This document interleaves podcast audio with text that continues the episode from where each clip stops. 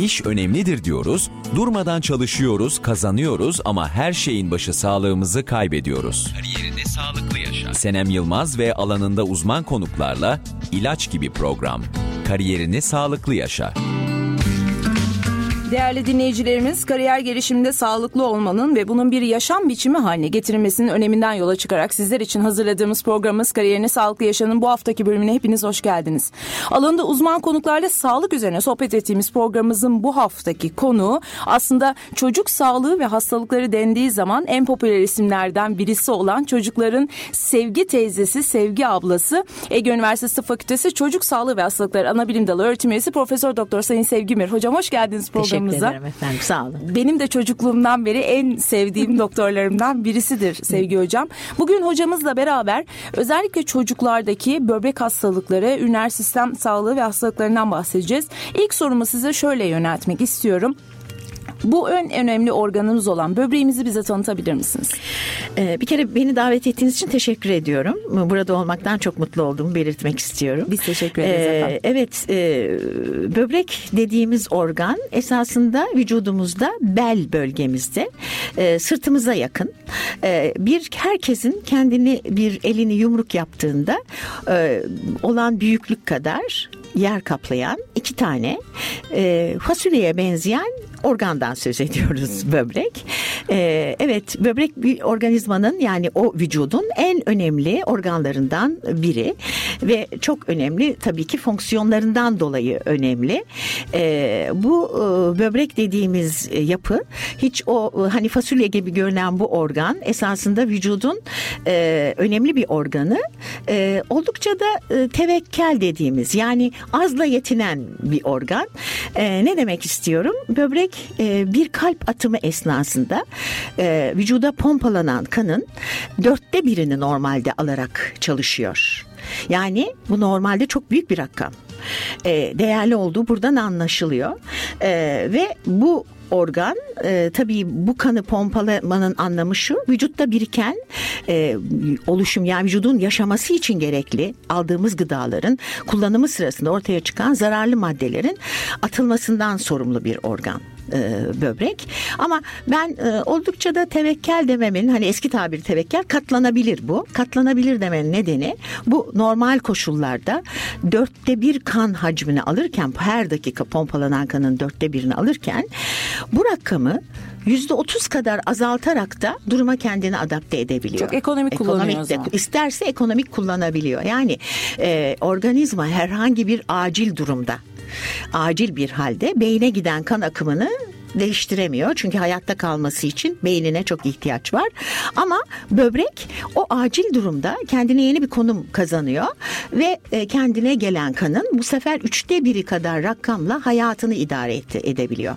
Yani iç, bunu şunun için anlatmak istiyorum. O yumruk gibi gördüğünüz küçücük fasulyeye benzeyen bir organın esasında korkunç bir adaptasyon mekanizması var.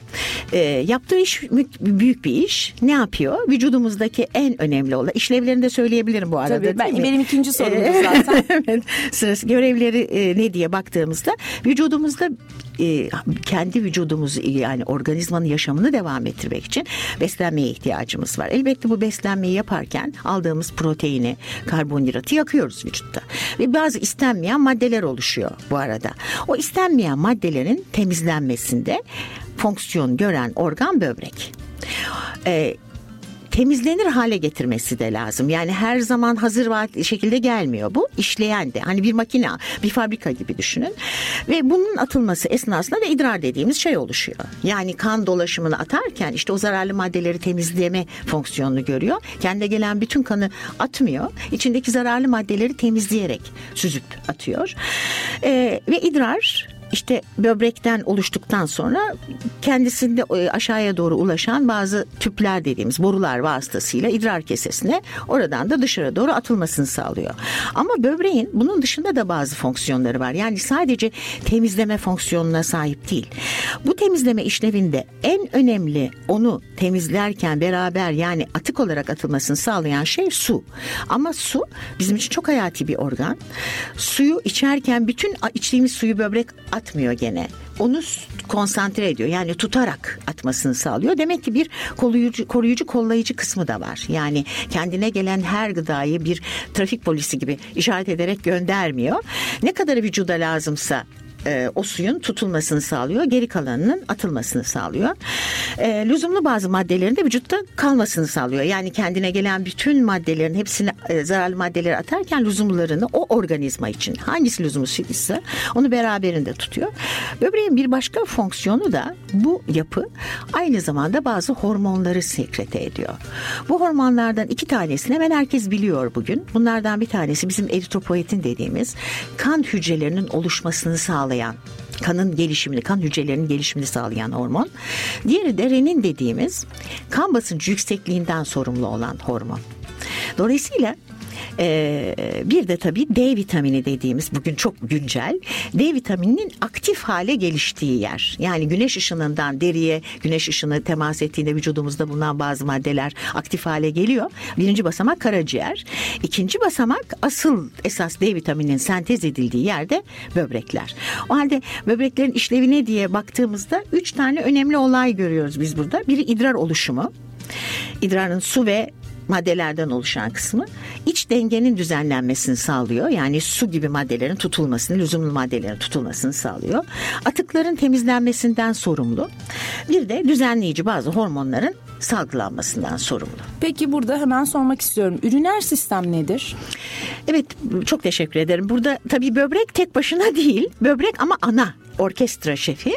E, böbrek e, kendisinde oluşan bu maddeleri atarken birinci basamakta atarken işte bazı lüzumlu maddelerin toplandığı, seçildiği, temiz e, geriye emildiği veya bazılarında yeterli miktarda böbreğin atamadığı kısmı da gene bazı maddeler vasıtasıyla atılmasını sağladığı bir e, böbrekten aşağıya doğru uzanan iki tane borucuk var.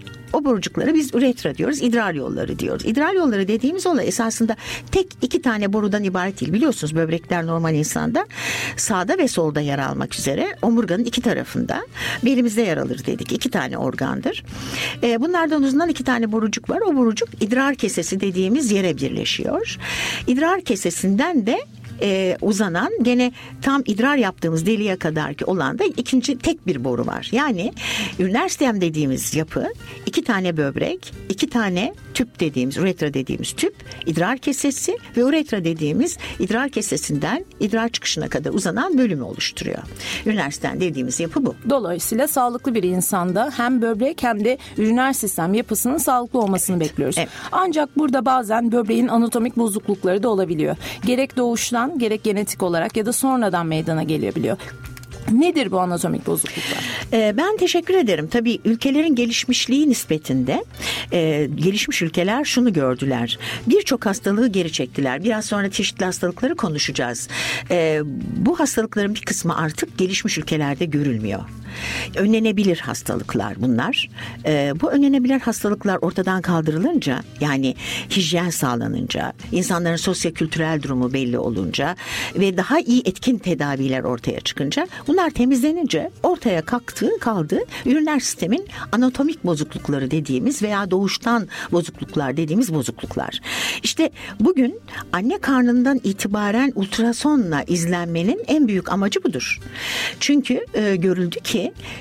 çocuk daha ileriki saatlerde görüşeceğiz. Böbrek yetmezlikleri dediğimiz yani idrar yollarının ve böbrek yetmezliğinin en büyük nedenlerinden biri bu önlenebilir hastalıklar kalkınca anatomik bozukluklar ve genetik hastalıklar oldu. Elbette genetik hastalıkları şu anda çok iyi programlayıp temizleyemiyoruz. Yani genetik bir süre sonra muhakkak insanlar genlerini tayin ettiklerinde hangi hastalıklara duçar olduklarını anlayacaklar. Ama henüz o değil. Ama anatomik bozuklukları saptayabiliyoruz. Anatomik bozukluk ne? İşte böbrekte, idrar yollarında, iki üretlerde, mesanede ve dış yolda olan beklenmeyen bozukluklar. Neler? Mesela bizim için bilir misiniz? Birden fazla böbreği olmak anatomik bozukluktur. Halbuki insanlar şöyle düşünür değil mi? Aa ne güzel. iki tane böbrek yerine dört tane böbreği var faraza veya üç tane böbreği var. Sanki bunu eski yıllarda insanlar hep alkışladılar ama bilin ki bu bir normal bir yapı değil. Anne karnında oluşurken gelişimsel bir hata karşısında bu oluyor ve sağlıklı insandan o böbrekler her zaman sağlıklı insana göre daha defekli oluyor. Yani demek ki böbreklerin birden fazla sayıda olması veya böbreklerden birinin olmaması veya ikisinin birden olmaması. Elbette ikisinin birden olmamasını saymak da istemiyorum. Bu insanın çünkü doğduğu anda bu çocukları biz kaybediyoruz veya kısa bir zaman sonra kaybediyoruz. Ondan sonra üreter dediğimiz hani iki tane çift boru demiştik ki o borudaki bazı yapısal, yapısal değişiklikler nedir? Çift olma, olması bunların da. Çift olduğu zaman bunlar farklı yerlerde mesaneye bağlandıkları için bizim için istenmeyen bir yapı olarak karşımıza çıkıyor ve bazı hastalıklara zemin hazırlıyor. Çünkü bunların gene doğumsal bir bozukluğu olduğu için bunlara ait kalıntılar bir evre evrede atlama veya anne karnındayken evresini tam tamamlayamamanın getirdiği idrar kesesinde de bozukluklara neden oluyor. Tıkanıklıklar meydana geliyor. Anne karnından itibaren başlayan bu yollara ait tıkanıklıklar söz konusu olabiliyor. Yani çift olması kadar gelişememesi veya tıkalı olması söz konusu oluyor. Tek taraflı veya çift taraflı. Elbette çift taraflı olduğunda hemen yaşamın doğumdan itibaren 1-2 saat içinde belirti vererek biz hekimlerin yardım etmesi gerekiyor. İdrar kesesine ait olan bozukluklar olabiliyor. İdrar kesesi dediğimiz bir lastik top gibi düşünün. Bu lastik topun bazı kasları gelişmemiş olabiliyor. Yapısal olarak katlı olabiliyor veya içinde bazı istenmeyen doğuma ait artıklar yani anne karnındaki gelişme evresine ait artıklar olabiliyor. Geliyoruz en son kısma yani uretra dediğimiz idrar kesesinden idrar çıkımına kadar olan boru kısmında erkek çocuklarda özellikle görüyoruz. Orada bazen gelişim hatası olarak bir dil gibi o iç yapıya ait artıklar olabiliyor. Bu bebekler idrarlarını düzgün yapamıyorlar. Dışarıya karşıya erkek bebekse fışkırtamıyor. Yani tabiri caizse orada bir tıkanıklığa neden oluyor. İdrar renginde bir değişikliğe neden oluyor. Bu tür bozukluklarla karşı karşıya kalıyoruz. Özetlersek bu idrar yollarına ait fazlalık da bizim için patoloji olmaması da hastalık olması da aşırı olması da hastalık. Doğa bunu bilerek yaratmış. Bir bütünlük içinde olması lazım. Hepsinin bir düzeni var. Peki lazım. siz nefrologlar olarak neyle uğraşıyorsunuz? Ha, evet işte tam bizim konumuza geldik. Biz nefroloji olarak şununla uğraşıyoruz. Bu anlattığım üriner sistem dediğim sistemle uğraşıyoruz ve tabii ona ona komşu olan bazı organlarla da akrabalığımız, arkadaşlığımız oluyor. Yani ne demek istiyorum? Ee, kadın doğum, genitoüriner sistem, ürolojiyle ahbaplığımız oluyor. Şimdi biz bu böbrek ve üriner sistemin dahili hastalıklarıyla uğraşıyoruz. Yani böbreğin içine ait olan yapısal veya çalışmasına ait bozukluklarla uğraşıyoruz. Eğer burada yapısal e, cerrahi bir düzeltme gerekiyorsa o bizim pek konumuz olmuyor. O daha çok çocuk cerrahisinin veya ürolojinin cerrahi girişimi oluyor. Ama biz hastayı o devreye kadar hazırlıyoruz. Böbreğin içine ait olan ameliyatlarını ilgilendirmeyen iç hastalıklarıyla uğraşan bir bilim dalıyız biz. Hazır bahsetmişken böbreğin içiyle ilgili olan hastalıklar ve yani daha çok iç hastalıkları ilgilendiren hastalıklara gelelim. Ne, neyi tanımlıyoruz böbrek hastalıkları dediğimizde? Ee, evet, tür, neyi tanımlıyoruz? Ee, işte başından itibaren söylersek böbreğin doğmalık anomalilerini tanı, tanımlıyoruz. Bu bizim için biraz önce sözlüsünü ettiğimiz yapısal değişiklikler. Onun dışında neyi tanımlıyoruz? Ee, enfeksiyonları, böbreğin e, idrar yollarına ait olan enfeksiyonları tanımlıyoruz. Sanıyorum onu biraz sonra daha inceleyebiliriz. Evet. E, idrar yol enfeksiyonlarını, idrar yol enfeksiyon deyince tabii böbreğin idrar yollarının tümündeki enfeksiyonları tanımlıyoruz. Bazen e, bir boğaz enfeksiyonu arkasından karşımıza çıkan, yeni yeni Türkiye'de daha görmemeye başladığımız ama hala doğal illerimizde var olan akut nefrit nefritleri tanımlıyoruz. Yani böbreğin böbreğin iç yapısına ait olan iltihapları tanımlıyoruz. Bunlar mutlaka mikrobik bir nedene bağlı. Bazen virüs, bazen bakteriye bağlı enfeksiyonlar, e, şey hastalıklar. Bir de e, tabii bu grup içerisinde bunların hep böyle organın hiç çalışmamasıyla ilgili olan, çalışamamasıyla ilgili olan sonuç olan kronik böbrek hastalıklarıyla uğraşıyoruz. Ve bir de nefrotik sendrom dediğimiz e, sanırım vaktimiz olsa görüşeceğiz. Evet. E, albumin hastalığı halkın arasındaki yani idrarın hani biraz önce böbrek bazı tutması gereken kendisi için lüzumlu maddeleri tutması gerekiyor dedi ki o maddeleri tutamadığı durumlarla da karşı karşıya kalıyoruz. Elbette biz e, bütün yoğun bakım hastalarında bir böbrek hastalığı oluyor. Yani bunların çünkü böbrek önemli bir organizatör dedik. Bir orkestra şefi dedik. Ve orkestra şefliğini yaparken de dedik her şeyi o yaşı bağlı bulunduğu kişiyi yaşatmak için yapıyor dedik. Onların tümünün bozulduğu durumda Evet biz devreye giriyoruz ama bizim tabii bir şansımız var belki birçok bilim dalından farklı olarak bizim bu bozulmalar esnasında çok ağır bozulmalar sırasında kullandığımız bir yapay aletlerimiz var. Yani işte e, nefroloji diyalizle de uğraşıyor. O Diyalizin da her tipiyle ve transplantasyonla da uğraşıyor. Şimdi hep bahsetmiştiniz biz anne karnında da ilerleyen tekniklerle herhangi bir böbrek hastalığı ya da idrar yolu hastalığı varsa bunun e, teşhisini koyabiliyoruz diye. Ben bu noktada sormak istiyorum size. Anne karnında ve daha sonra da çocuklarda ve bebeklerde herhangi bir böbrek ya da idrar yolu rahatsızlığının tanısını koymak için ne gibi yöntemlere başvuruyorsunuz? Ee, işte ben biraz önce şunu söylemeye çalışmıştım. Gelişen teknolojiyle beraber önlenebilen hastalıklar ortadan kaldırılınca ortaya bir genetik bir de malformasyon dediğimiz yani doğmalık bozukluklar kaldı. O zaman insanlar şöyle düşündü gelişmiş ülkeler. Biz bunları nasıl ortadan kaldırabiliriz? Anne karnından itibaren bir ilk anne karnına bebek düştüğü andan itibaren birincisi hakikaten çok iyi beslememiz lazım anneleri. Beslenmesini çok iyi kontrol etmemiz lazım. Ee, bunlar eğer ilk 3 aydan önce anne çok iyi beslenir denetlenirse ilk 3 ay çok önemli. Onun için bunlar ortadan kaldırılabiliyor. Onun için bir kere denetlemek, iyi bir ilişki kurmak lazım.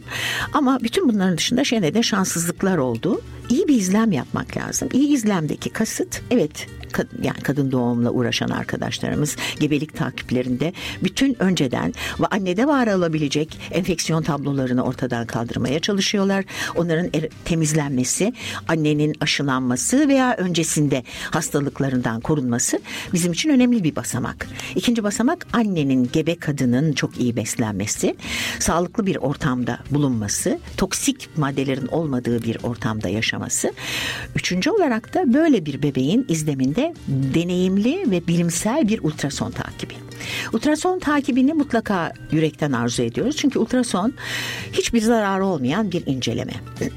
Bebeğe de zararı hiç gösterilebilmiş durumda değil. Hiçbir zarar saptanmış değil. Ee, bebek annesinin karnında o suyun içinde yaşarken kendini çok güvenli ve çok mutlu hissediyor. Ultrasonun vermiş olduğu dalgalardan da hiç rahatsız olmuyor. Yani bu yönde çalışmalar yapıldı. Bebeğin emniyetine ve bebeğin huzursuzluğuna ait hiçbir kanıt yok. Deneyimli bir kişi ultrasonla takip ederken birçok organı gibi ama böbreği özellikle görüyor.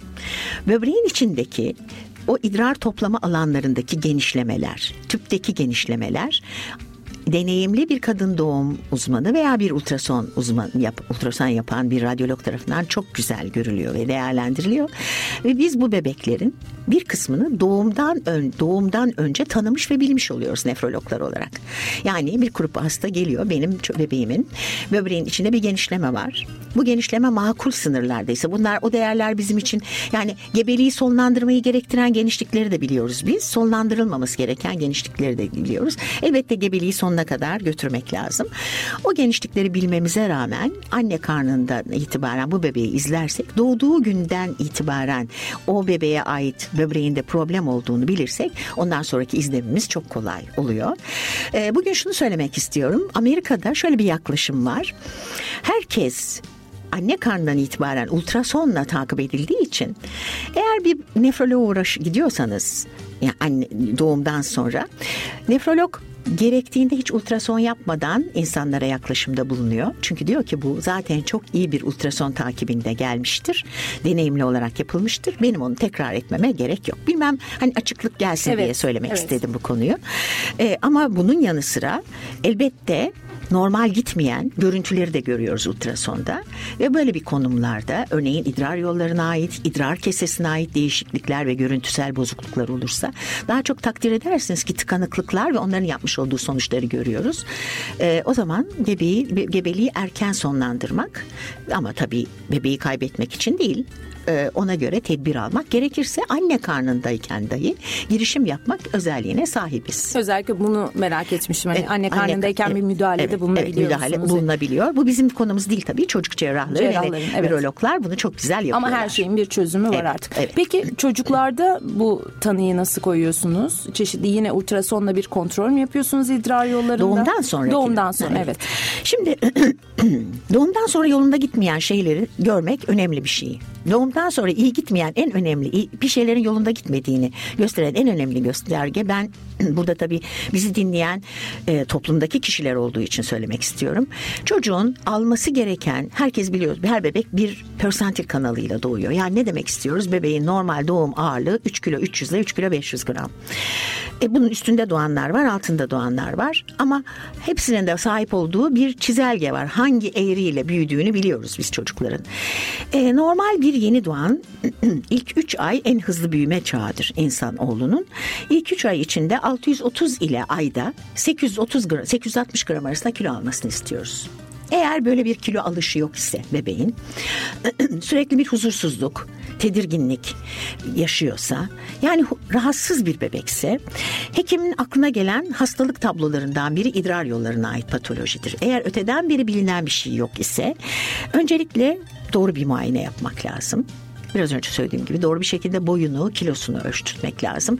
Ben aileleri bir konuda uyarmak istiyorum. Lütfen bu takibe gittiğinizde e, hekiminiz yap yapmasını da yapmıyorlardır ama gene de uyarmak istiyorum. Bezle filan bebek tartılmayacak. Yani tartımda, tartıda çocuk çıplak olacak. Ne kadar önemli bilgiler e, evet, veriyorsunuz bu, şu an. Evet. Çıplak olacak, çıplak tartılacak.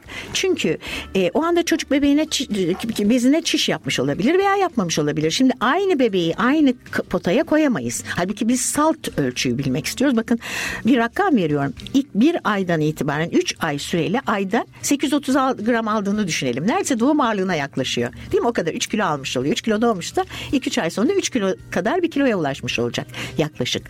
İşte bunu yapabilmek için doğru ölçüm yapmak lazım. Normalde aileler çocuklarını soymaktan, çıplak kalmasından filan rahatsız olmamalı. Hele hekimin işini kolaylaştırmalı. Bir de bir ikinci olay. Tabii hekime gelirken çocukları doktordan korkutmamalılar aileler. Ağlamamalı çocuk. Çünkü hekim esasında doktor ona bir zarar vermiyor. Yani biraz önce ben çok mutlu oldum. Ee, sizin bana sevgi abla, sevgi teyze evet. e, demenizden. Bu çok güzel bir şeydir çocuk hekimliği için. Öyle bir intiba bırakıyorsak çünkü biz sağlıklı çocuk takibi yapıyoruz. Şimdi bütün bunlarla gelmiş doğru ölçülmüş, doğru boyu ölçülmüş bir çocukta eğer yolunda gitmeyen bir şeyler varsa aile de hakikaten gece huysuzluklarından huzursuz duyuyorsa hekim bir kan sayımı ve bir idrar tahlili yapar. İdrar tahliliyle bir yerlere ulaşır veya gene de rahatsız oluyorsa mutlaka Türkiye koşullarında bir kere ultrason yapılmasından yanayız biz. Bu bakın e, bebeklerin ilk iki ay içinde zaten kalçasının çıkıklığı var mı yok mu diye değerlendirilirken kalça ultrasonu çekiliyor film değil. O çekim esnasında neden karın organlarına da bakılmasın? Bakılabilir ve bu değerlendirilebilir. Ben biraz önce söylemeyi unuttum. Üniversite malformasyonları genel kıstas olarak yüzde on yani yüz kişiden onun da hayatını çok fazla etkilemeyen ama bilmesi gereken bir üriner sistem malformasyonu var. Malformasyon dediğimiz yani doğmalık bozukluk her zaman bir özel bir hekim bakımı, özel bir alet bakımı gerekmiyor. İnsanların yaşamı boyunca hayatını sürdürebiliyor. Yeter ki bilsin ve önlemini alsın. O zaman bir ultrason herkesin hakkıdır diyorum ben. Ultrasonla yaklaşıyoruz. Ondan sonra gerekirse ilerletiyoruz işlemeli işlemleri. Bugün çok güzel teknolojiler var. Ultrasonun ne kadar önemli olduğunu bugün evet, burada evet, vurgulamış evet, olduk evet. aslında. Ve çocuk bakımının, doğru Kesinlikle. çocuk muayenesinin. Şimdi bu noktada şunu sormak istiyorum. Özellikle çocuklarda sıklıkla görülen üriner sistem enfeksiyonları ve idrar yolları enfeksiyonları nedir? Ama ilk olarak da idrar yolu enfeksiyonunun tanımından başlayalım istiyorum. Evet, e, bu idrar yolu enfeksiyonu e, benim hakikaten çok e, hobi olarak da en sevdiğim konulardan biridir. Tabii ben çok sevmek derken bu sevmeyi şöyle algılamak istiyorum. Hakikaten idrar yolu enfeksiyonu Türkiye gibi bir ülkeye yakışmıyor. Ee, Türkiye gibi adını ne dersek diyelim e, gelişmekte olan ben ülkeme gelişmekte olan ülke diye yorumlayamıyorum bile. Ee, Avrupa Birliği kapısında duran ama Avrupa Birliği'ne girmeyi çok hak kazanmış olan bir ülkede böyle korunulabilir bir hastalıktan çocuklarımız hasta olmamalı. Birincisi bu. Onun için e, burada kısaca şunu söylemek istiyorum suyunuza girmeden önce. E, ben e, sonunda idrar yolu enfeksiyonlarını hep talebelerime anlattım. Keyifle anlattım. Öğretmeye çalıştım. Öğrendiler de ama sonunda ne gördük biliyor musunuz e, sevgili Sanem? Tek başına doktorların öğrenmesiyle bu hastalık çözülemiyor. Halkın öğrenmesi ve halkın bilinçlenmesi lazım. Ne demek istiyorum? Önemini belirtmek için söylüyorum. Türkiye'de bugün kronik böbrek hastalığı olarak diyalize giren çocuklarımızın birinci sırasında idrar yolu enfeksiyonuna bağlı böbrek yetmezlikleri yer alıyor. Bu ne demek? Bir e, kıta Avrupa'sına gittiğinizde bir İngiltere'de Amerika'yı katmıyorum. E, Almanya'da, İsviçre'de, Rusya'da e, birinci sırada biraz önce söylediğim e, doğumsal anomaliler yer alırken bizde maalesef ilk sırada idrar yolu enfeksiyonu alıyor. Ege bölgesinde dahi diyalize giren çocukların primer nedeni nedir diye baktığımızda idrar yollarına enfeksiyonların iyi tedavi edilmemesine bağlı böbrek yetmezliklerinin yüzde 40 ila yüzde 50 olduğunu görüyoruz. Ne kadar yüksek. Bu aynı olay Diyarbakır'da da böyle. Bu bölgesel yapılan bütün çalışmalar böyle. İstanbul'da da böyle. Demek ki idrar yolu enfeksiyonu bu ülke için önemli. Onun için bana bu soru sorduğunuz için çok önemli önemsiyorum. İdrar yolu enfeksiyonu ne demek? İdrar yolu enfeksiyonu biraz önce saydığım üriner sistem dediğim yani mesaneden e, mesaneden e, idrar akımına kadar olan uretrada, mesanede, üreterde ve böbrekte olan herhangi bir enfeksiyona bak genellikle e, bakteriyel ama virüs veya mantarların enfeksiyonuna biz idrar yolu enfeksiyonu diyoruz. Neden böyle diyoruz? Çünkü çocukluk yaş grubunda çocuk şikayetini belirtirken işte benim sadece böbreğim ağrıyor. Sadece idrar e, kesem ağrıyor diye bize lokalize edemiyor. Bir şeyleri var. Bir karın ağrısı var. Bir şeyleri var ama tam bölgesini ifade edemiyor. Bir huysuzluğu var, bir huzursuzluğu var. Bunu karın ağrısı diye ifade ediyor. Onun için gelirken belli bölgeleri işaret edemediğinden biz bunun hepsine idrar yolu enfeksiyonu adı veriyoruz. İdrar yolu enfeksiyonu bu ülke için önemli, çocukluk hekimliği için de önemli. Çünkü neden? İdrar yolu enfeksiyonları maalesef gizli giden bir hastalık. Gizli gitmesi hakikaten hiç belirti vermeden gidebiliyor. Biraz önce sözünü ettim. Sadece çocuk iyi gelişmiyor. Akranları gibi serpilemiyor, boy atmıyor. En önemli şikayet bu. Veya geceleri idrarını kaçırıyor veya gündüz idrarını kaçırıyor. Ee, bunlar gene belirti. Bazen de sadece ateş yüksekliğiyle geliyor. Bunlar gördüğünüz gibi hiç idrar yolları enfeksiyon düşündürmeyecek belirtiler. Yani spesifik olmayan belirtiler. Bir ikinci olay bazısında da hiç belirti yok. Nasıl hekim yakalıyor? Biz bildiğimiz bazı gerçekler var. Şimdi yeni doğan döneminden itibaren bebeğe bakacak olursak, yeni doğan bebeklerde idrar yolu enfeksiyonu görülme şansı 100 yeni doğandan 3'ünde var. Hele prematüre ise bu oran 3,5-4'e çıkıyor. Peki prematüre bebekte bir belirti var mı? Hayır. Non spesifik. Hiçbir belirti yok. Hekim iyi kilo alamadığı için veya nedeni belli olmayan e, hiçbir sarılık nedeni yok. Yani yeni doğanın sarılığının nedeni yok. Kan grup uyuşmazlığı yok. Ama uzamış bir sarılığı varsa, gece huysuzlukları varsa hekim idrar tahlili ve kültürü yaparak teşhis koyuyor. Aynı şey yeni doğan bebekler için de. Yani normal doğmuş yeni doğanlar için de öyle, aynı şey söz konusu. Ama yeni doğanda bir özellik var. Ateş yüksekliği en önemli belirti. Gene gelişme geriliği var. Uzamış sarılık gibi şikayetler var. Demek ki hekim burada kuş kullanacak. Yeni doğanda idrar yolu enfeksiyonunu araştıracak. e, çocuk büyüdükçe yani bu ta böyle belirtiler, ateş gibi belirtiler, kilo alamamama belirtiler okul çağına kadar devam ediyor. Okul çağına gidince, okul çağına gidin yani 5 yaşından itibaren çocuk artık idrar yaparken konuşmaya başladığında daha çok idrarını yaparken yanmasızdan sık tuvalete gittiğini ifade etmeye çalışıyor. Yani belirtiler 5 3 ila 5 yaşından itibaren oturmaya başlıyor ve erişkin yaşında ortaya erişkin yaşta da bu devam ediyor. Yalnız bir özellik var, iki özellik var. Er, daha çok yeni doğan dışında idrar yolu enfeksiyonları kız çocuklarının bir hastalığı. Çünkü idrar yolu enfeksiyonlarının çoğu kakayla çıkan kendine ait mikrobun veya o bölgedeki mikrobun aşağıki idrar deliği var ya idrar deliği üzerinden idrar kesesine ulaşmasıyla oluyor. Mikrobun bulaşmasıyla, bulaşmasıyla oluyor. Yani bir başka yerden gelmiyor. Kendi vücudunda temizlenme hatası veya erkek çocuklarda tabii o idrar yollarına ait doğumsal bir patolojiyle ortaya çıkıyor.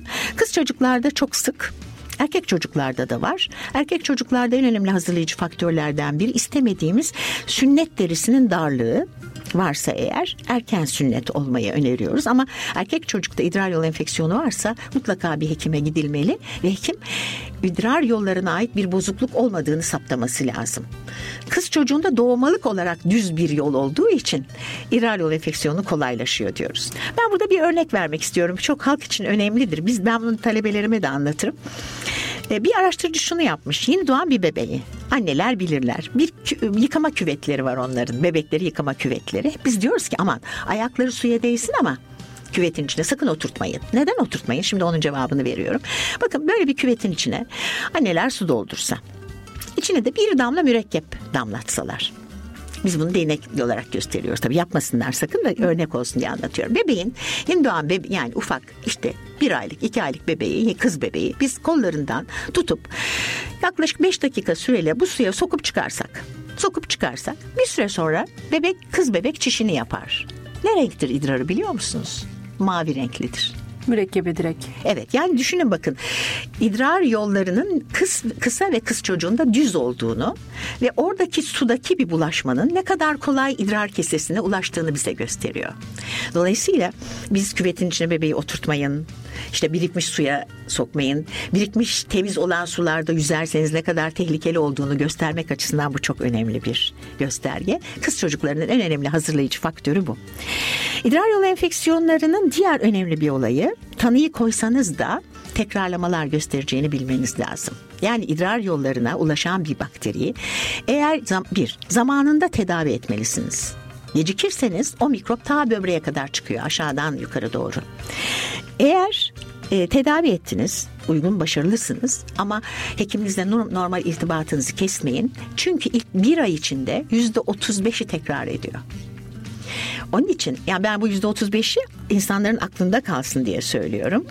Ee, onun için idrar yolu enfeksiyonunun önemli olayı gizli gitmesi, tekrarlaması ve kolay oluşabilmesi yani anatomik özelliklerden dolayı oluşabilmesi ve gözden kaçabilen bir hastalık. Onun için Türkiye'de ve Ege bölgesinde dahi idrar yolu enfeksiyonlarından çok büyük vücuda yük hasar bırakan hastalıklar ortaya çıkıyor. Yani bunların hiçbiri belki ölmüyor ama bakın hasar bırakıyor iyi tedavi etmezseniz. Böbreğe gidip ulaşırsa onu iyileştiremiyorsunuz mikrobu. Dışarıdan içeriye, içeriye doğru, doğru ilerleyen, ilerleyen bir, nevi mikro. sinsi evet, bir sinsi bir ilerlemeden olay. bahsediyoruz. Dolayısıyla çok önemli Dolayısıyla diyoruz. anne ve babalara çok büyük çok, iş düşüyor. Evet, Özellikle de çocuğun kendini evet. ifade edebileceği evet. döneme kadar e, evet. çocuğu ben burada isminizle bir şey söylemek istiyorum annelere. Lütfen anneler alt temizliğini çocuklarınıza iyi öğretin. Şimdi onu soracaktım. Evet. Yani özellikle siz kız çocuklarda doğru evet. bir yolda ilerliyor evet. dediniz. Arkadan öne doğru değil, önden, önden arkaya evet, doğru evet, değil mi? Çok teşekkür ederim. Yani bu çok önemli.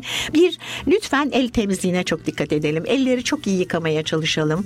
El temizliği için bugün çok iyi örnekler var. Her yerde, her tarafta duruyor. Ellerinizi çok iyi e, temizleyin. İki anneler lütfen bütün çocuklarınıza, kız çocuklarına özellikle kendiniz de başta olmak üzere önden arka tem temizlik yapmayı öğretin. Çünkü kendi eliyle kakayı öne bulaştırabiliyor. Ve lütfen çocuklar tırnak temizliğine çok özen göstersinler. Tırnaklarını yememesinler, tırnaklarını iyi fırçalasınlar, bol su içsinler. Sıkı giysilerden, sentetik giysilerden, hele İzmir gibi bir bölgede sakınsınlar. Kabızlık bizim için çok önemli bir olay idrar yolu enfeksiyonu oluşmasında. Çünkü kabızlık varsa idrar kesesini iyi boşaltamıyor çocuk. Yani idrarını düzenli aralıklarla yapmamak da idrar yolu enfeksiyonunu kolaylaştırıyor. Çünkü hasbelkader mikrop yukarı gitti ama çocuk hemen tuvalete giderse o mikroptan kurtulacak. Ama tutarsa idrarını mikrop üreme imkanı gösteriyor. Onun için lütfen bol su için ve lütfen fast food'dan kaçının sebze ağırlıklı posalı yiyecek yiyin diyoruz. Ee, ve sentetik giysilerden kaçının diyoruz. Biraz önce söyledim temizliğinden emin olmayan küvetlerin içine tahriş edici maddeler koyarak girmek, yıkanmak, havuzlarda yüzmek. Çok aşırı hijyen de önemli, zararlı. Normal bir hijyen ortamı içinde olmayı öneriyoruz ee, biz. Ve bir nokta işaret edeyim. Şu anda tabii Ege bölgesinde biz doktorlar ve hastalar bakın 5 yaşından itibaren yani 8 yaşından itibaren çocuklardaki idrar yolu enfeksiyonu çok iyi tanıyoruz. Aileler de farkında.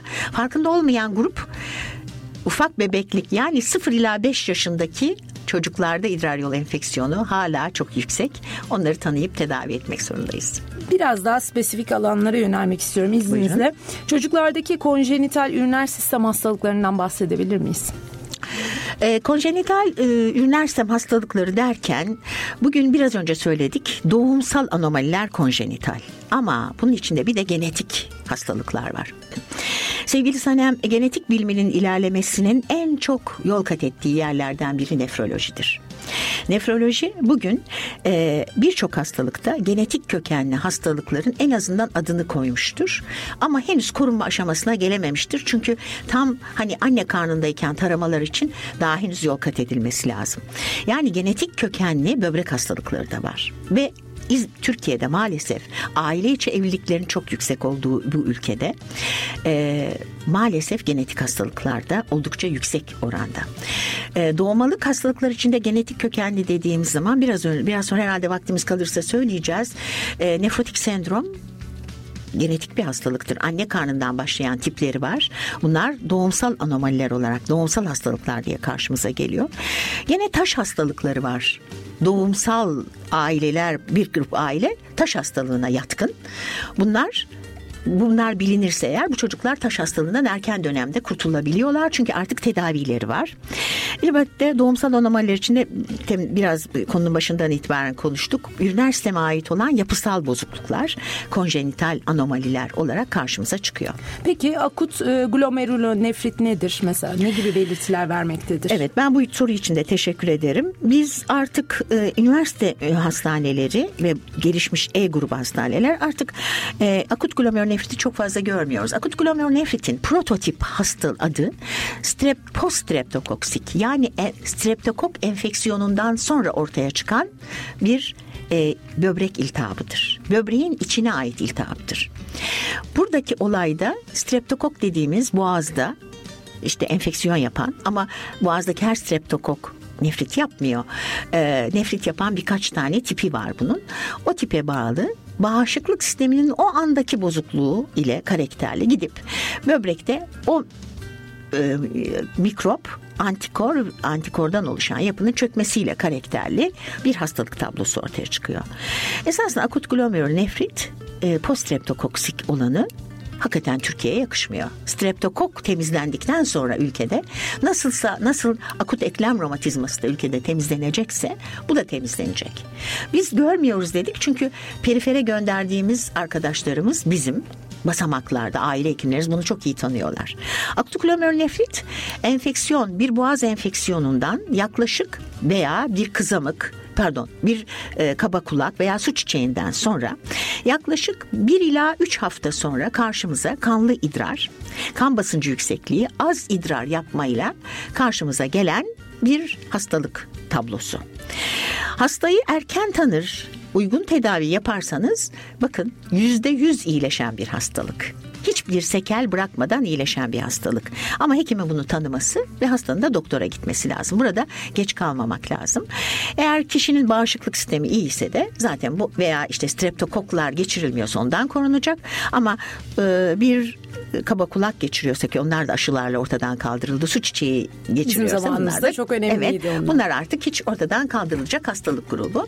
Evet, er, olmamasını istiyoruz. Olursa da erken gidin ve tedavi olun diyoruz. Çok basit. Hemen iyileşebilen bir hastalık. Biraz da bu kistik böbreklerden bahsetmek evet. istiyorum. Polikistik böbrek dediğimiz şey nedir ve nasıl bir tanıya sahiptir? Evet ben biraz önce doğmalık hastalıklar için de onu sormayı unuttum. Çok teşekkür ederim. Polikistik böbrek hastalığı e, genetik bir hastalık. E, bunun iki tipi var. Bir çocukluk yaş adı öyle. Çocukluk yaş grubundaki polikistik hastalıkları, erişkin yaş grubundaki polikistik hastalıkları. Yalnız şunu söyle şöyle söylemek isterim ki e, erişkin yaş grubunda görülecek polikistik böbrek hastalıkları çocukluk yaş grubunda görülmez değil. Onlar da görülür.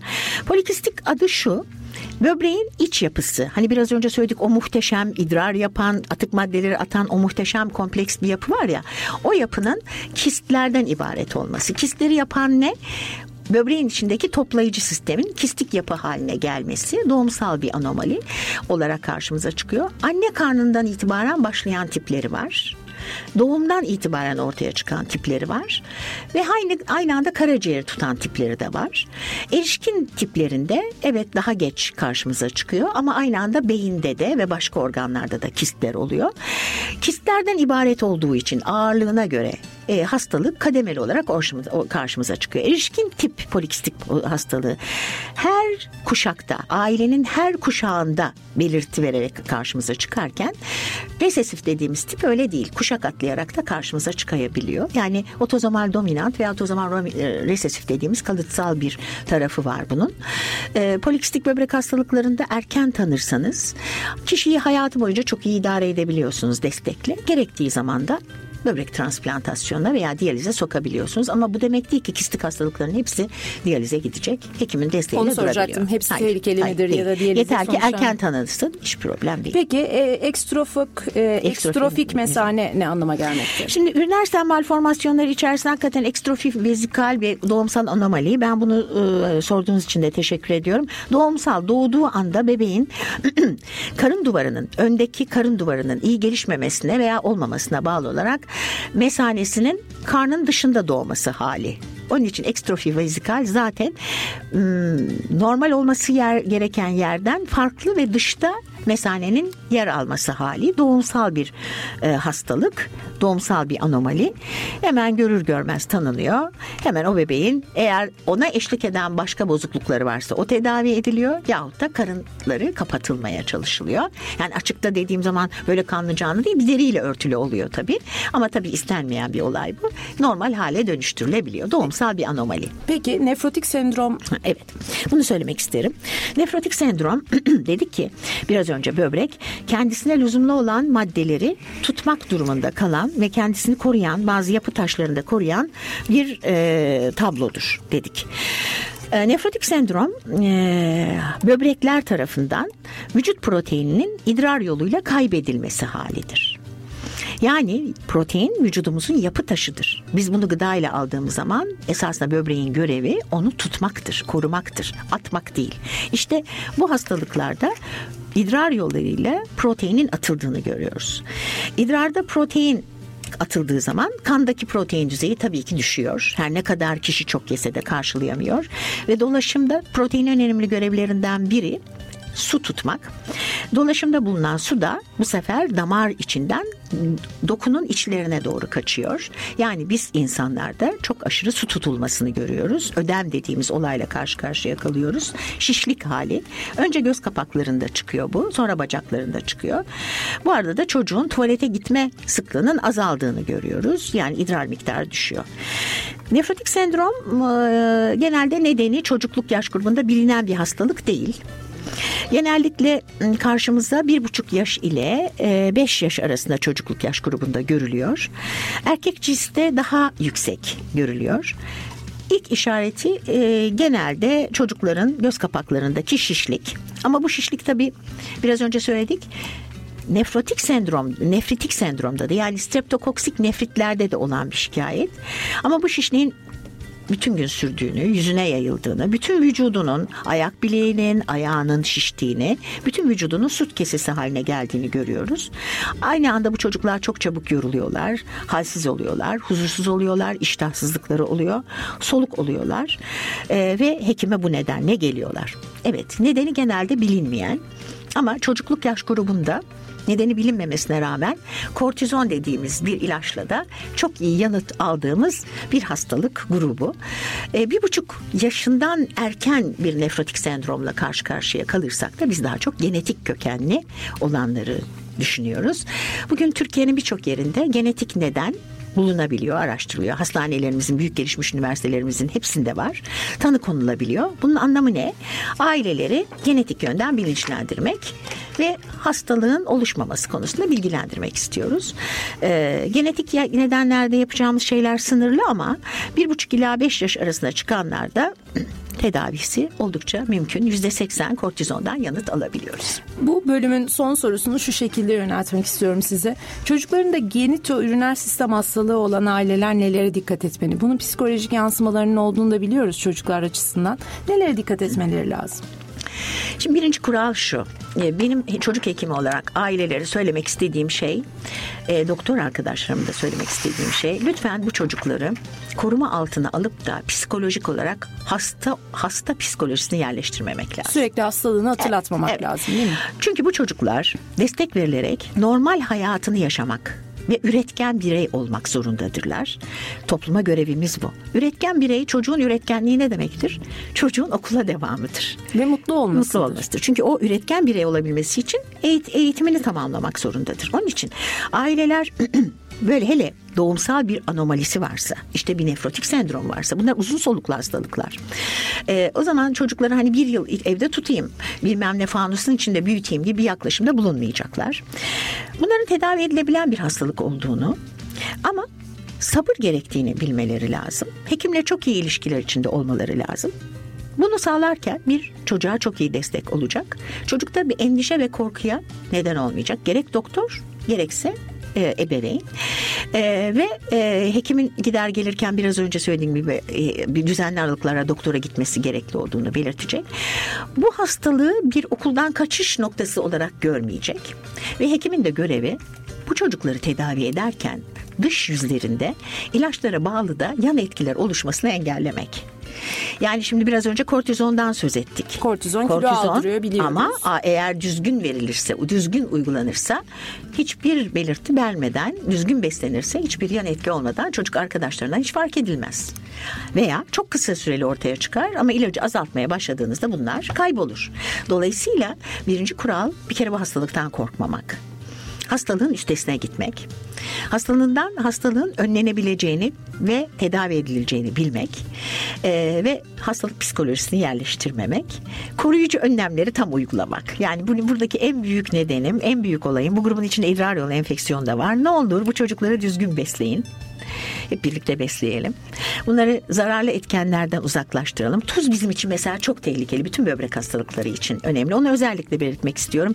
Şişliği olan olmayan ama sağlıklılık açısından da tuz tüketiminden kaçınmamız lazım. Sofrada tuz hiç kullanmamamız lazım sağlıklık açısından.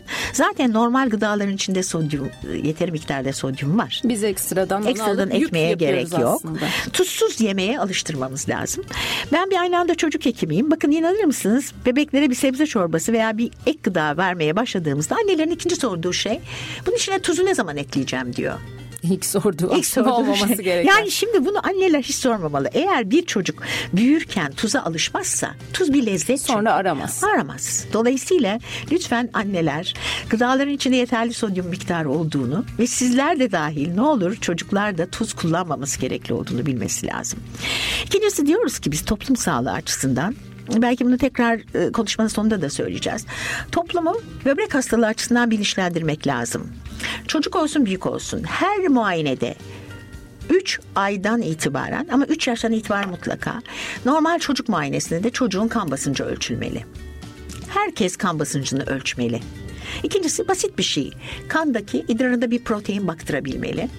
Üçüncüsü de kanda kreatinine baktırtmalı. Bunlara bakarsa toplum sağlığı açısından son derece önemli olacak. Ve ben belki konuşmanın en sonunda bu üç değerin neye nasıl kullanılacağını, nelere kadir olacağını söyleyeceğim. Hemen notumu aldım. Onu size mutlaka hatırlatacağım. Kısa bir müzik arası verelim. Tabii, Sonrasında böbrek yetmezliğinden konuşacağız. Sohbetimiz devam edecek. Teşekkür ederim.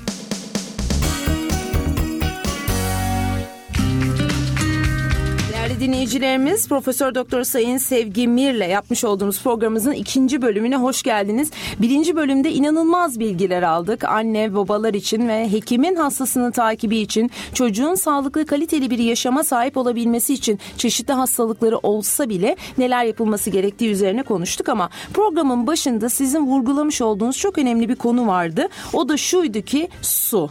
Vücudumuzun suya ihtiyacı var, böbreklerimizin suya ihtiyacı var. Ben sormak istiyorum. Su neden bu kadar önemli vücudumuz için? Su evet su çok önemli. Geleceğin de en önemli silahı diye söylüyorlar. Ee, organizma için de çok önemli. Susuz nasıl yaşarız bilmiyorum. Su esasında anne karnından itibaren bizim için sihirli bir şey. Çünkü suyun Ee, içinde. Evet suyun içinde. Evet suyun içinde. Ee, ve ben bir şey söylemek istiyorum mesela annelere. Ee, bebek e, evet çıktıktan sonra belki suyu arıyor ama suyu bulamayabilir. Ee, ama mesela gaz çıkarırken e, su ve annenin kalp atımı çok önemli bebekte. Ee, eğer gaz çıkarırken anneler veya gazı çıkaran yeni doğan bebeğin gazını çıkarırken e, hani konu biraz ilgili değil ama ucundan anlatmak istiyorum. Su ortamını yakalayamıyorsunuz ama bakın e, yakalasak çok iyi olacak herhalde. Eğer bebeği annesi sol tarafında tutarsa kalp atımlarını bebek duyarsa daha rahat gazını çıkartıyor. Aa, Onun için yani ben tabii anne karnındaki kalp atımı ne kadar önemli bir olaysa o su herhalde bizim hepimiz için çok önemli. Onun için belki e, Türkiye'de çok yaygın değil mi?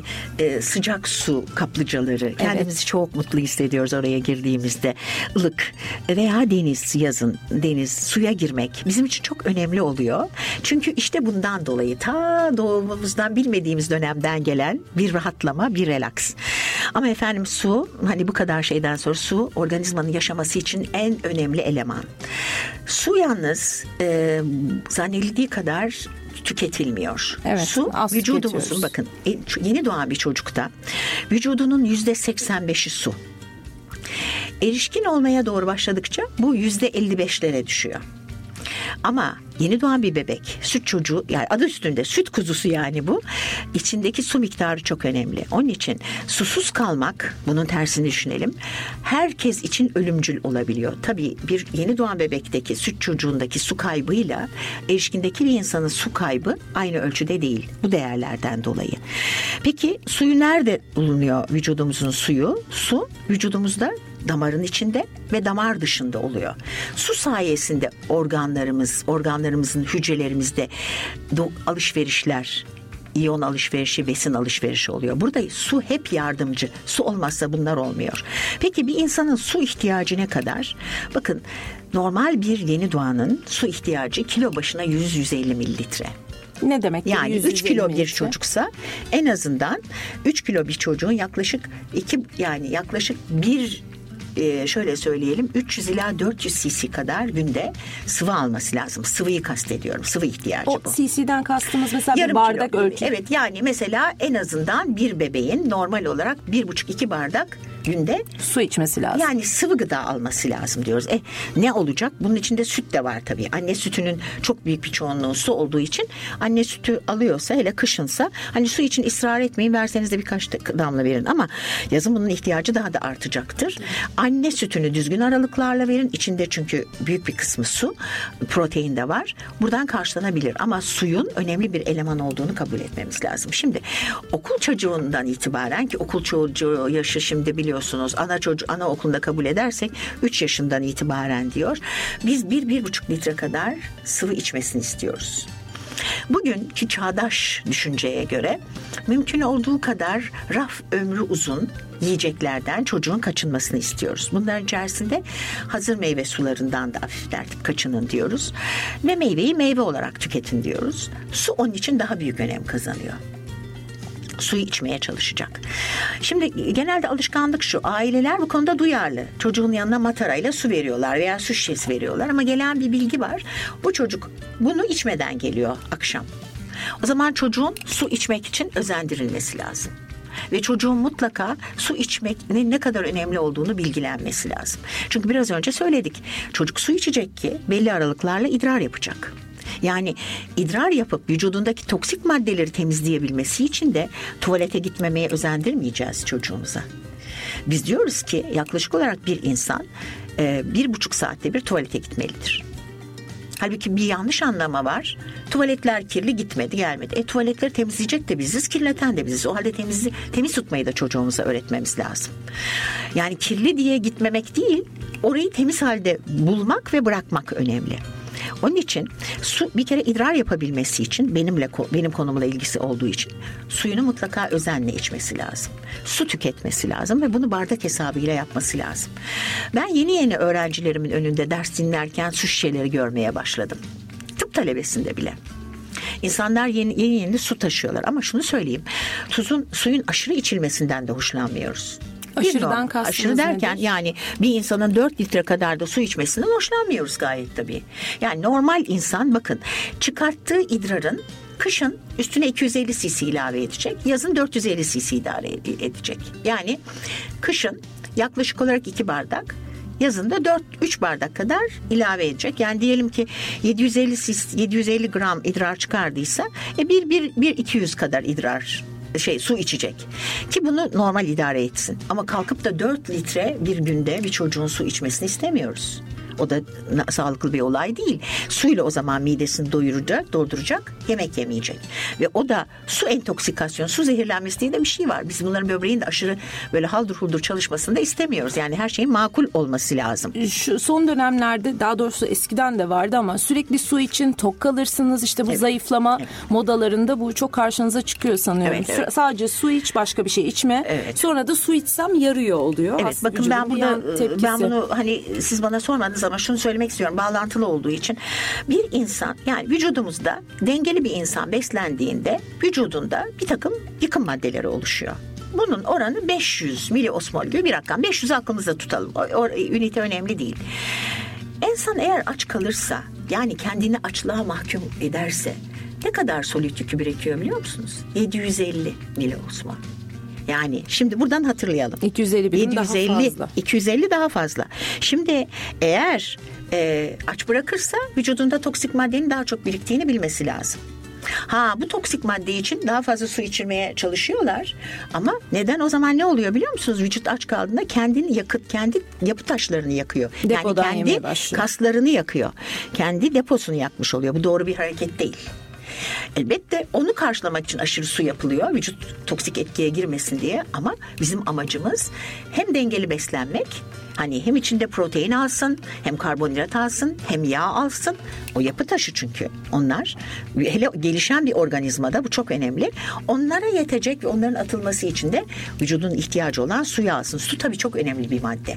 Ama diyorum ki ben normal bir insan bir buçuk iki litre yaklaşık olarak kışın. Yazın hani iki buçuk erişkin insan üç litreyi bulabilir. Kaybettiği ter oranında su içebilir. Ama bu bir seferde değil güne, güne yayılmış şekilde. içilecek. Çünkü hani bu benim sınırım evet, bunu içmem lazım evet, deyip evet, bir anda değil, içenler evet, oluyor. Değil. Yok yok bunlar son derece zararlı ama su bizim için önemli. Vücudun idamesi için önemli. Olmadığı zaman zaten bütün her şeyimiz karma karışık oluyor.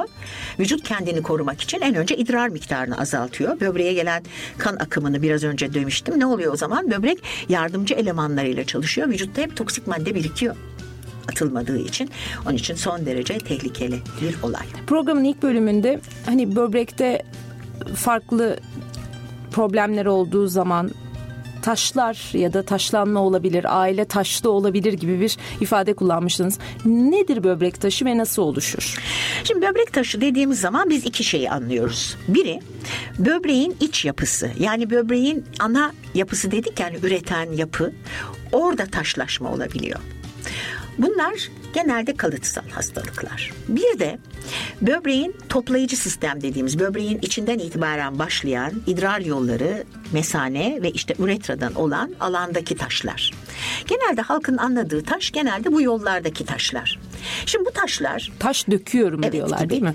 Ee, şimdi bu hani biraz önce böbreğin iç yapısı parankimi diyoruz biz. Yani böbreğin asıl iş yapan para kısmındaki taşlaşma mutlaka özel bir inceleme ve araştırma gerek, gereken durumlar özel bazı hastalıklarda. Örneğin medüller sünger hastalığı dediğimiz veya polikistik böbrek hastalıkların bir gruplarında karşımıza çıkıyor. Nedeni araştırılmalı ve ona göre tedavi edilmelidir. Ama onun dışında böbreğin için yani yollarda olan taşlar elbette en korkutucu şey bizim açımızdan o taşın gelip o yolu tıkayıp e, böbreği çalışması hale getirmesidir. Bilir misiniz böbrek çift olduğu için ve yollar çift olduğu için idrar kesesine kadar çift yol dedik. Eğer birindeki bir tıkanma yavaş yavaş gelişiyorsa hekim için en tehlikeli olay odur. Çünkü belirti vermez. Öbür böbrek iyi çalıştığı için idrar miktarındaki azalmayı göremezsiniz. Yani biz tek taraflı tıkanıklıklardan Yavaş yavaş gelişen tıkanıklıklardan çok korkarız. Çünkü genelde atlanabilir. Onun için biraz önce sözünü ettim. Ee, biz diyoruz ki herhangi bir nedenle idrar yollarına ait bir sorun bulduğunuzda aman önce gidin hemen bir ultrason yaptırtın. Çünkü tıkanıklık var mı yok mu göreceksiniz orada. Bu tıkanıklığı atlamak açısından önemli oluyor. Evet taşın tanısında ultrasonun çok büyük değeri var doğru elden bakılırsa. Şimdi taşlar buradaki taşlar yani idrar yollarındaki taşlar genetik olabiliyor. Türkiye'de sık rastlanıyor da artık sistinozis dediğimiz özel kalıtsal hastalıklar oluyor. Bir de yediğimiz gıdalara bağlı olarak taş görebiliyoruz. Kalıtsal taş hastalıkları olduğu gibi bölgesel olarak da olabiliyor. Bakın Türkiye'li Türkiye dünyada taş kuşağı denilen bir kuşağın içinde yer alıyor. Taş kuşağı neresi? Ee, şöyle Yunanistan İtalya'nın e, çizmesinden başlayın. E, Mora Yarımadası'nı alın. Türkiye'de girsin onun içine. İsrail'de böyle. Ve arkadan Pakistan'a kadar uzanan bir kuşağı çizin. Burası dünya taş kuşağı. Bu bölgede yaşayan insanlar böbrek taşından daha çok karşılaşılıyor. Muzdarip. Muzdarip. Ha ne demek? İsveçli bir insanda böbrek taşı hemen hemen hiç görülmüyor bu bölgelerde var. Peki bu bölgelerin ortak nedeni ne? E, sıcak bölgeler, çok terlenilen bir bölgeler. İşte teorilerden biri yeterli suda içilmediği zaman çok terlenilen bu bölgede aşırı derecede iyon veya da su kaybı olduğu için taş eğilimi artmış oluyor. Yani bu bölgedeki insanlar herhangi şekilde kanamayla veya işte böbreğinde ağrıyla geldiğinde ilk akla gelen biz hekimlerin taş oluyor. Ama İsveç'te, Norveç'te insanların aklına bu gelmiyor. Çünkü onlar daha az görüyorlar taş hastalığını. Burada tabii genetik olan da ailesel yatkınlık da söz konusu. Demek ki bir genetik yatkınlık yanı sıra beslenme alışkanlıklarımızdaki kötülükler idrar yolu enfeksiyonuna zemin hazırlıyor. Bu taş dediğimiz şey nasıl oluşuyor? Taş esasında tamamen zemininde sodyum dediğimiz tuz var. Bu tuzun üstüne çok güzel sordunuz Sanem. Hakikaten muhteşemdi bu soru. Tuzun üstüne bazı yıkım maddeleri birikiyor. Demek ki idrarımızda yeter, çok aşırı derecede tuz kaybetmezsek o tuz e, tuz kaybedilmediği zaman kalsiyum kendi başına yani taş esasında kalsiyum taşı daha çoktur. Yani kalsiyumdan zengindir ama kalsiyum tek başına çökmüyor oraya. Zemininde ortada çekirdekte sodyum var. Tuz olmazsa kalsiyum çökmesi gerçekleşmiyor. Biz bazı belirtileri görüyoruz ama taşlaşmıyor. Anlatabildim mi? Onun için gıdamızdaki sodyum çok önemli. Ne kadar çok sodyum içerisinde. O yüzden yaparsak, uyardınız. Çok fazla tuz, tuz almayın dediniz. Evet. Tuz tamam. almazsak idrarımızda kalsiyum daha çok tuz için. olmayacak. Ve tabii ki kalsiyumunu sakın kesmeyin diyoruz. Sakın kalsiyum taşlı insanlarda biz diyetteki kalsiyumla oynamamaya çalışıyoruz. Tuzu oynuyoruz. Ve en büyük problem sofrada tuz ekmek. Bakın e, tuzlu gıdalardan kaçınmak. Hani böyle çerezler, tuzlu çerez yiyin ama tuzsuz yiyin. Cipsler, çerezler. Bunlardan evet. kaçının. Çünkü bunları verdiğiniz zaman bu, bunun içindeki sodyum miktarı çok yüksek. O zaman tabii ki idrarda kaybedilen sodyum da çok fazla oluyor. Tuz fazla oluyor. Onun üstüne var olan ortamdaki kalsiyum çünkü bazı Türklerde kalsiyum çıkışı farklı fazla olabiliyor. Ama bu kalsiyum çıkışı var olsun varsın sadece hafif kanama görüyoruz biz onlarda. Taş olmuyor. Onun için diyetin yemeğin burada çok önemli şey var. Bir de tabii posalı yiyecekler yememizin çok büyük bir faydası var. Ne kadar az kabızlık olursa kabızlık idrar yollarında tıkanıklıklara, kesintili idrar yapmaya neden oluyor. Ve tabii kakanın çok e, konsantre olması ve kabız olması kakanın önden arkaya bulaşmayasına neden olabiliyor. Ve taşla karşı karşıya kalabiliyoruz. Onun için lütfen ve lütfen posalı yiyecek yiyin. Bol su için. Ve su düzenli için yemek Ve düzenli lazım. yemek yiyin. Şimdi isterseniz böbrek yetmezliğine girelim. Bu doğumsal üriner sistem anomalilerinden olan böbrek yetmezliği dediğimizde ne anlıyoruz? Şimdi böbrek yetmezliği ne demek biliyor musunuz? Böbreğin işlevini yapamaması hali. Böbreğin üç tane önemli işi vardı. Bir idrar yapıyordu, bir yıkım maddelerini atıyordu, bazı maddeleri koruyordu, bir de hormon sekresyonu yapıyordu. İşte bunları yapamama hali. Bu yapamama hali iki şekilde karşımıza çıkıyor. Bir ani oluyor hemen. Akut diyoruz biz buna. Bu koşullar e, da eğer böbrek fonksiyonlarımız yüzde yirmi azalırsa yani yüzde yirmi düşerse hemen hemen ortaya çıkıyor. Ve böbrek işlev kaybı nedeniyle böbreğin atması gereken, böbrekten uzaklaştırması gereken maddeleri iyi temizleyemediği için çocuk genel durum bozukluğu, nefes almada sıkıntı gibi e, hip kan basıncı yüksekliği gibi belirtilerle hemen bize geliyor. Bunlar ani kayıplar. Bu ani kayıpta hekime Hekim 10 bakın 2 hafta içinde hızlı olarak bu böbreğin vazifesini görmediği süreçte yardım ederse bu vazifesini görmeyen yer kendini hemen iyileştiriyor ve normal hiç kayıp olmadan normal hayata dönebiliyor. 15 kişi. gün kritik bir süre. En fazla evet 15 gün çok önemli bir süre. Ailelerin bunu atlamaması lazım. Ee, burada burada böbrek fonksiyonlarını biraz sonra böbrek fonksiyonu birlikte konuşalım. Böbrek fonksiyonlarında yüzde 20 kayıp yani hemen hemen beşte bir kayıp bile hemen belirti veriyor hemen klinik belirti e, meydana getiriyor ve eğer yardım etmezse kötü bir sonuç. Hemen söyleyelim sonuç nedir böbrek fonksiyonları böbrek ve bunların fonksiyonları, kay- idrar kayıp oranları? miktarındaki azalma. Nasıl İdrar- anlarız biz e, onu? İdrarını az yapmaya, az gitmeye başlar ama ben işte şunu Normalde bir söylemek buçuk istiyorum. saatte bir Giden idrara bir çıkmamız gerekiyordu. Ve bir de az yapma. Gidiyor geliyor çocuk idrarını yapamıyor. İdrar yok. Gene vücudundaki şişliklerin olması, çocukta genel bir solukluk olması, halsizlik olması, kan basıncı yüksekliğini düşündürecek şey baş ağrıları e, şuur bulanıklıkları, çift görmeler, nefes almada değişiklikler, kalp çarpıntısı gibi belirtiler. Ama en önemlisi idrar miktarının azalması ve idrarının renk değişikliği. Tabi bunlar çok önemli olan. Her zaman renk değişikliği olmayabilir ama Normal bir idrar ne renktir? idrar rengi sarı berrak renktedir. Sarı berrak. Sarı berrak Renk renktedir. değişikliğinden kastınız kahverengiye doğru mu Evet gitmesi? ben renk değişikliği derken ailelerin kırmızı dediğimiz şey bildiğimiz bildiğimiz kan rengini kastediyorum bir. İkincisi Coca-Cola rengi var ya. Ha, evet. Bir o rengi kastediyorum renk değişikliği derken. Veya anneler bunu çok iyi bilir. Eti yıkadıkları zaman çalkantı suyu olur böyle Evet. kırmızı gibi. İşte o renkleri kastediyorum. O zaman Koyu kahverengi, çok dikkat kırmızı, evet, lazım. Lütfen. Bunu ben çocuk yetiştirirken ailelere öğüt olarak vermek istiyorum. Bakın çocuğu tuvalete alıştırırken bir süre sonra klozete veya çişini yaptığı yere idrarın rengine bakmasını, kakasının rengine bakmasını da öğretin çocuklarınıza. Evet bilinçlenmesi önemli. lazım çünkü çocuk kendini bilmesi lazım. İdrarının rengine baksın. Eğer renk değişikliği varsa size haber versin. Ve lütfen özgür olun. Asla onu bir yanlış görse dahi sakın caydırmayın. Yanlışmış böyle değil şöyle olacak diye rengi göstermek lazım. Kırmızı bir kazağını göstermesi lazım. Bak kırmızı bu. Kahverengi bu demesi lazım. Yani bizim Coca-Cola'dan anladığımız çay rengi Evet. veya Coca-Cola rengi. Demek ki bu en önemli ve tabii vücudunda şişlik olması çocuğun. Şişliklerin olması. Çünkü vücut suyu atamadığı için şişlik olacak. Bu şikayetler olduğunda hemen doktora gidilmesini istiyoruz ve hemen yardım edilmesi lazım. Doktorun ona 15 yardım gün kritik onu tekrar 15 tekrar günü bile geç kalmaması lazım. Yani ne kadar erken giderse, ne kadar yardım ederse o kadar hızlı geri dönüş var ve hiç sekelsiz. Yani böbrekte hiç hasar Arıza bırakmadan. Bırakmadan. Çünkü biraz önce söyledim. Hasar da olsa böbrek o hasarlı bölgeyi tamir edip kendi fonksiyonunu alıyor ama amaç bir böbreğin içinde her bir böbreğin içinde çalışan 1.7 milyon ünite var. 1.7 milyon üniteden sarfı nazar etmek istemiyoruz. Çünkü insan ömrü uzadı. Uzadıkça tabii ki bu çalışan ünite azalacak. E, insan ömründe azalırken tabii süreci olarak azalsın. Biz başlangıçta bazı şeylerimizi kaybetmeyelim. Zarar neresinden dönsek Evet, kârdır. diyoruz. Erken teşhis çok önemlidir. Evet tabii bir de kronik böbrek yetmezliği var. Yani yavaş yavaş gelişen böbrek yetmezliği var. İşte biz burada zorlanıyoruz. Aile de fark etmiyor. Bunları bu çocukların şikayetine, bu çocukların bu yavaş yavaş gelişen böbrek yetmezliğinde böbrek çok iyi adapte olan bir organ dedik ya. Böbreğe gelen böbreğin işlevleri bozulmaya başlandıkça sağlam kalanlar onun işlevini üstleniyorlar ve bize idrar çıkışı hakkında pek bilgi vermiyorlar.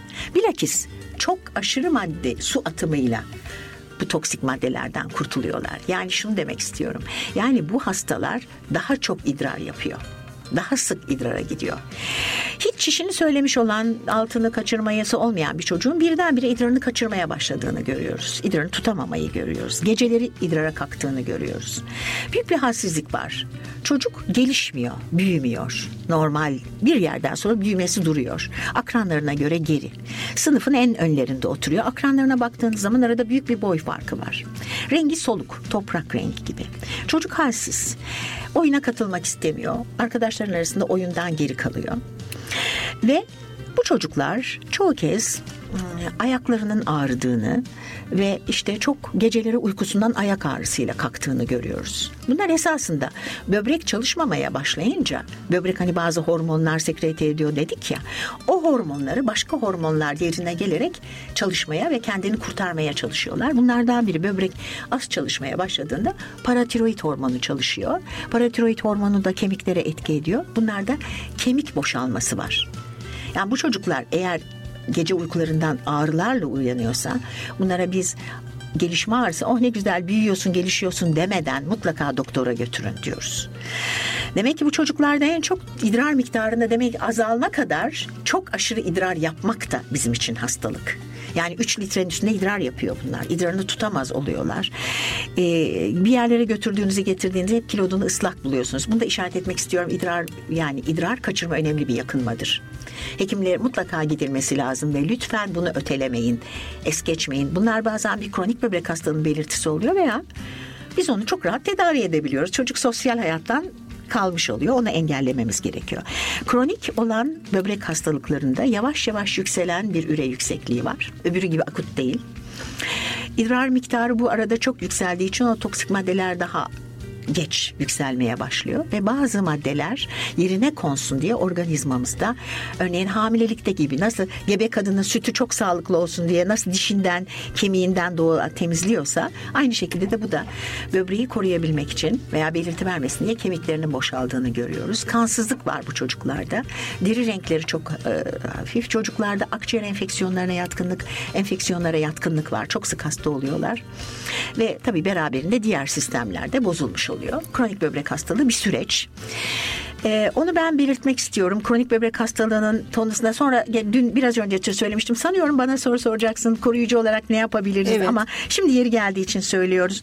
Bakınız diyoruz ki lütfen ve lütfen herkes ve sizler üç tane kriteri araştırın. Çocuğunuzda da araştırın. Bir, hastanın idrarında protein kaybı var mı? Hastanın kan basıncını ölçün. Bir de ee, bir de kan kreatin değerini ölçün. Boyunu bilin bir de. Eğer boyunu ve kan kreatinini biliyorsanız şöyle bir çocuklar için böyle bir değer var. Boyu santimetre olarak kullanıyoruz. Bir K, K sabitesi var. Bu 0.55 gibi bir oran. Boyu 0.55 ile çarpacağız. Kandaki kreatinle böldüğümüzde normal bir çocuğun bulunan değeri ki böbreğin bir dakikada temizlediği, temizlik yaptığı üniteyi gösterir bize. 100 ila 110'dur. Eğer bunun çok üstüne çıkıyorsa veya bunun çok altında kalıyorsa mutlaka hekime götürün diyoruz.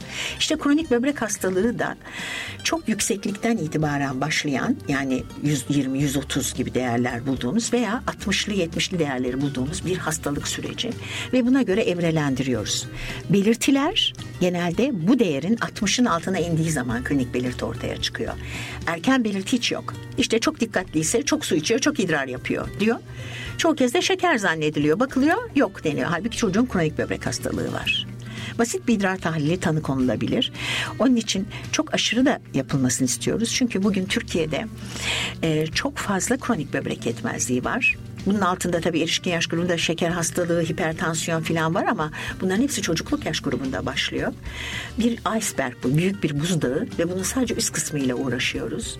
Çok büyük rakamlar mevcut ve bu an şu an bana soracaksınız herhalde çok büyük rakamlarda diyalize giren, girmek, diyalize girmeyi bekleyen, organ bekleyen insanlar var. Onun için erken yakalarsak bu hastaları, yani e, diyelim ki 90'da yakaladınız, 60'da yaşadınız, 30'un altına inmediği sürece basit tıbbi önlemlerle biz bunu hiç doktora muhtaç olmadan, diyalize muhtaç olmadan yaşatıyoruz. Ama 30'un altına indiği zaman işte diyaliz gerekiyor. Mutlaka bir destek kuvvete Destek gerekiyor, var. evet. Böbrek yetmezliğini nasıl tedavi ediyoruz? Oradan başlayalım. Şimdi mı? böbrek yetmezliğinin erken evresinde e, birinci kural şu. Çok su, çok idrar yapıyorsa yeteri miktarda suyu koyacaksınız. Çünkü o çok idrar yaparak maddelerden temizliyor Azalığını vücudu. yerine Tamamlayacaksınız. Mutlaka yeterli su içireceksiniz. Hani böbrek hastasıdır diye aman pat diye hemen çocukta suyu kesmeyeceksiniz. Erken evrede yeterli miktarda su içmesini sağlayacaksınız onu. Ve onu biraz önce söyledim. İnsanların çıkarttığı idrar miktarı önemli.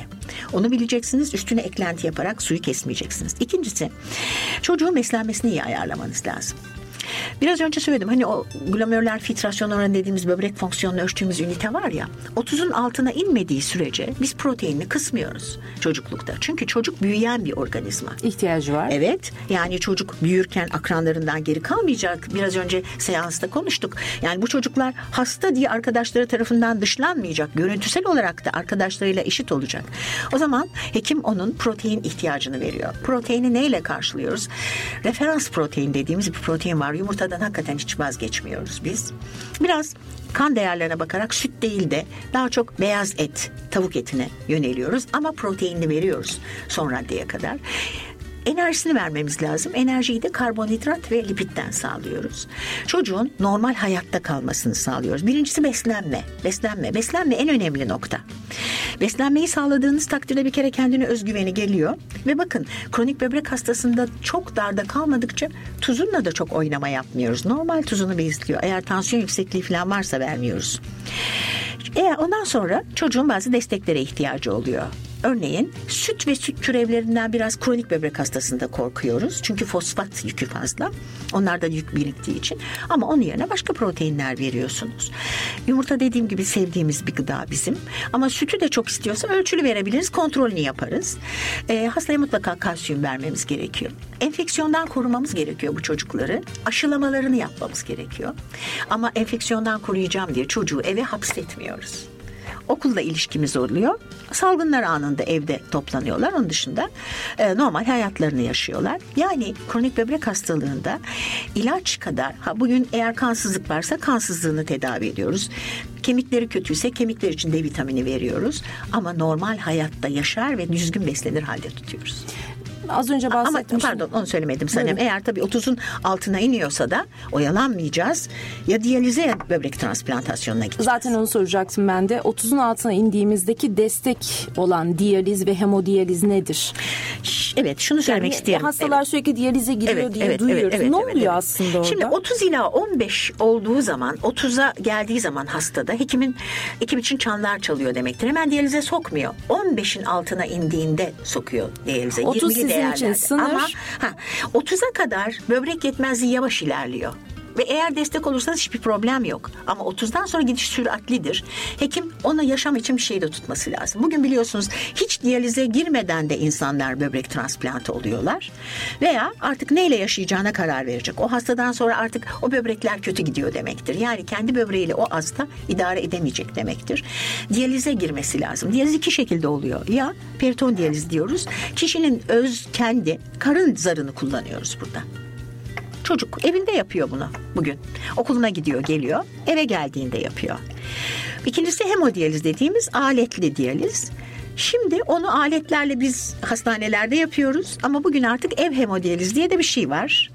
Kendi bakın çocuk büyütürken en önemli şey çocuğun kendi bireysel e, yetkinliğini kazandırmak. Yani hastaysa da hastalığını kendi yönetecek. Ama kendi başının çaresine bakıp üstlenebilecek Evet, bilecek. değil mi? Bireysel yani bunu kazandırmak zorundayız. Diyaliz yapıyoruz. Diyalizle çünkü bunlar yapay aletler. Vücudun temizleyemediği o toksik maddeleri Onlar temizliyor. onlarla temizliyoruz. Ama tabii hepsinin bir bedeli var. Bunlar bir alet olduğu için yan etkiler karşımıza çıkıyor. Ne gibi? Çocuğun büyümesi daha yavaş olabiliyor. Kalp hastalıkları çıkıyor, damar bozuklukları çıkıyor. Uzun vadede bunları görebiliyoruz biz.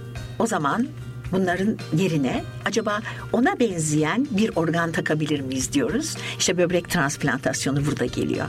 Transplantasyon kendine uyumlu bir organı takmak ve o zaman hiç e, hastaneye muhtaç olmadan kendi yaşantısını az ilaç kullanarak sürdürmek. Bunun Ama sıklığı nedir transplantasyon sıklığı? ne gibi? Böbrek hastalıkları. evet. Ha, şimdi bir kere her hastanın, her çocuğun e, transplant eğer kronik böbrek hastalığına gittiyse ideali transplant olması lazım. Gerçek çözüm transplantasyon. Peki sıklık ne kadar? Çocukluk yaş grubunda şu anda biz kadavradan çok e, canlıdan kullanıyoruz. Bu tabii tercih edilen bir şey değil. Onun için aile bireyleri vermeye çalıştığında kullanıyoruz bunu. Hmm, Sıklık derken bizim bölümlerimizde transplantasyon kronik böbrek hastalıkları için yüzde 75 yüzde 80. Biz yani diyalize aldığımız her hastayı transplantla iyileştirmeye çalışıyoruz.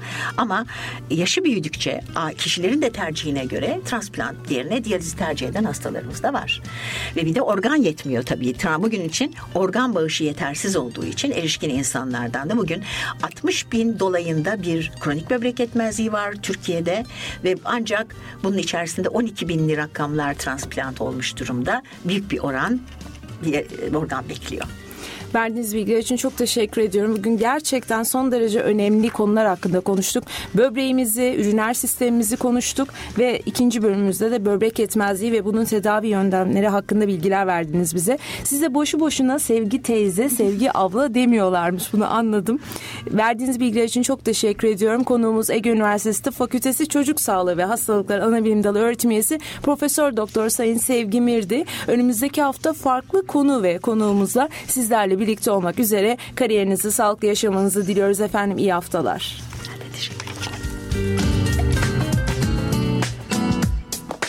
İş önemlidir diyoruz, durmadan çalışıyoruz, kazanıyoruz ama her şeyin başı sağlığımızı kaybediyoruz. Kariyerinde sağlıklı yaşa. Senem Yılmaz ve alanında uzman konuklarla ilaç gibi program.